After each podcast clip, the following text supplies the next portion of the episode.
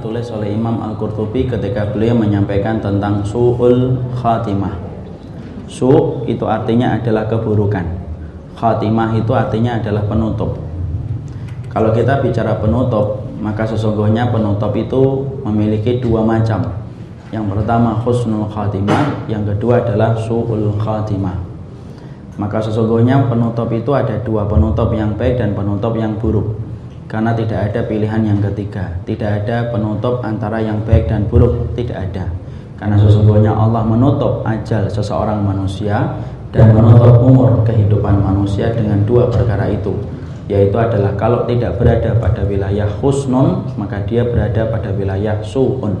Husnun itu adalah kebaikan su'un itu adalah keburukan.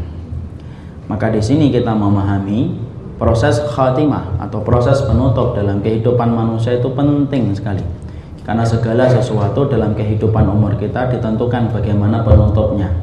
Makanya Rasulullah Shallallahu Alaihi Wasallam beliau bersabda dalam hadis yang sahih innamal a'malu bil khawatim. Seluruh sesungguhnya segala amal itu ditentukan bagaimana penutupnya. Karena apabila penutupnya baik penutup yang baik menghapuskan keburukan di awal hidupnya sebagaimana sebaliknya kalau penutupnya buruk penutup yang buruk menghapuskan kebaikan di awal hidupnya. Karena semuanya tergantung bagaimana penutup dalam kehidupan kita.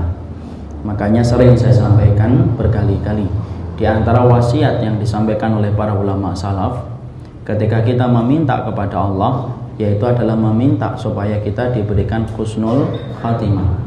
Karena sesungguhnya di antara doa yang penting dan pokok ketika kita meminta kepada Allah satu mintalah kepada Allah diberikan surga. Dua diberikan supaya kita senantiasa istiqomah. Tiga diberikan supaya kita husnul khatimah. Empat supaya kita mendapatkan hidayah. Lima supaya kita diampuni dosa-dosanya oleh Allah. Jadi para salaf itu menyebutkan inti sari yang paling penting dalam kehidupan meminta kepada Allah itu lima. Dan di antara lima permohonan yang pokok ketika kita meminta kepada Allah yaitu adalah meminta supaya kita diberikan rezeki kebaikan pada penutup harinya karena sesungguhnya itu merupakan hari ketika kita kembali kepada Allah dan menentukan kualitas hidup kita selama kita menjalankan kehidupan. Makanya sampai Abu Bakar beliau berkata dalam untayan doa dalam satu riwayat yang marfu sampai Abu Bakar itu berkata Allahumma ja'al khaira umri akhirahu.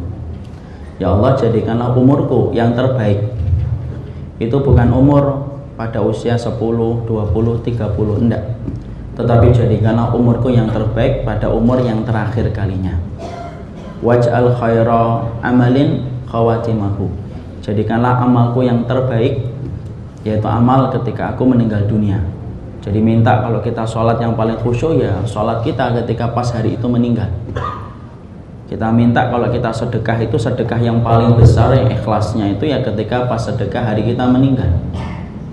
Dan kita meminta ketika kita misalkan melakukan tahajud ya tahajud yang paling indah itu tahajud ketika di pagi harinya kita meninggal dunia. Makanya Abu Bakar mengatakan waj'al khaira amalin khawatimahu. Jadikanlah amalku yang terbaik itu amalan penutupnya waj'al khaira ayyamin yauma alqaka fihi. Dan jadikanlah hari-hariku yang terbaik hari. Bukan ketika dilahirkan hari. Bukan ketika aku menikah tetapi hari yang terbaik adalah hari ketika aku bertemu denganmu yaitu hari kematian kita. Di situ menggambarkan sampai setingkat Abu Bakar radhiyallahu anhu meminta tiga dijadikan umurnya yang terbaik umur ketika meninggal dunia amal yang terbaik amal ketika menjadi penutup dari seluruh amal seluruh hidupnya dan dijadikan umur yang paling indah umur ketika bertemu in, uh, dan dijadikan hari yang terbaik atau hari yang terindah hari ketika bertemu dengan Allah. Itu menunjukkan bahwasanya kebutuhan kita kepada kebaikan kita pada hari ketika meninggal dunia itu jauh lebih baik daripada kebaikan 100 hari sebelumnya tetapi di akhir kehidupan kita rusak. Jadi kalau ibu memiliki waktu dalam kehidupan ini Bapak memiliki ajal dalam kehidupan ini ada 4500 hari yang Allah berikan. Kemudian 4500 itu dalam keadaan yang baik tetapi pada 4501 Bapak meninggal dunia dalam keadaan yang buruk satu keburukan bisa jadi menghapuskan seluruh kebaikan selama 4500 hari yang pernah kita lewati tetapi barang siapa yang mendapatkan 4500 harinya penuh dengan keburukan lalu pada hari yang ke 4501 dia melakukan kebaikan satu kebaikan itu ketika dilakukan pada hari ketika meninggal dunia bisa menghapuskan seluruh keburukan pada 4500 yang kita lakukan dengan kemaksiatan. Kenapa? innamal a'malu bil khawatim bukan bin minum dulu kayak gini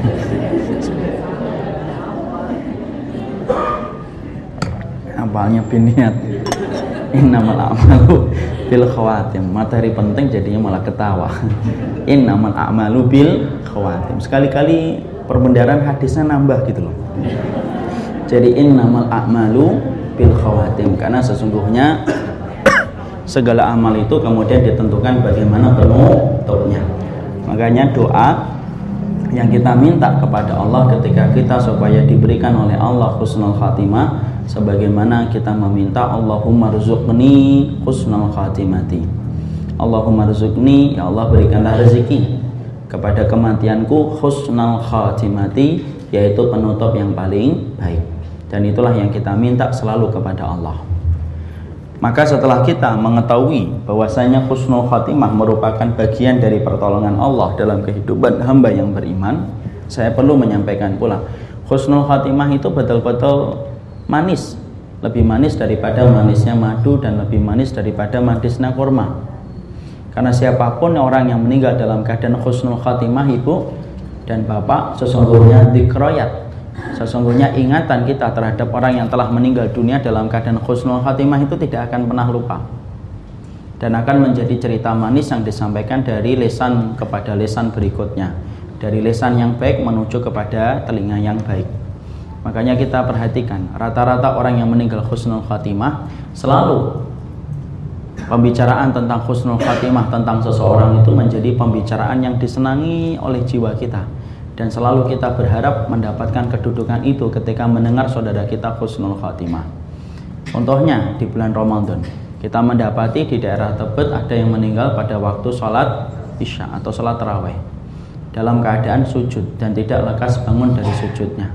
Cerita itu berulang-ulang kita dengarkan, tetapi tetap enak untuk didengarkan dan nikmat untuk dikaji. Kenapa? Husnul khatimah itu lebih manis daripada madu dan lebih manis daripada kurma karena sesungguhnya Nabi saja sampai mendefinisikan orang yang khusnul khatimah maka dia itu mendapatkan asalnya kehidupan.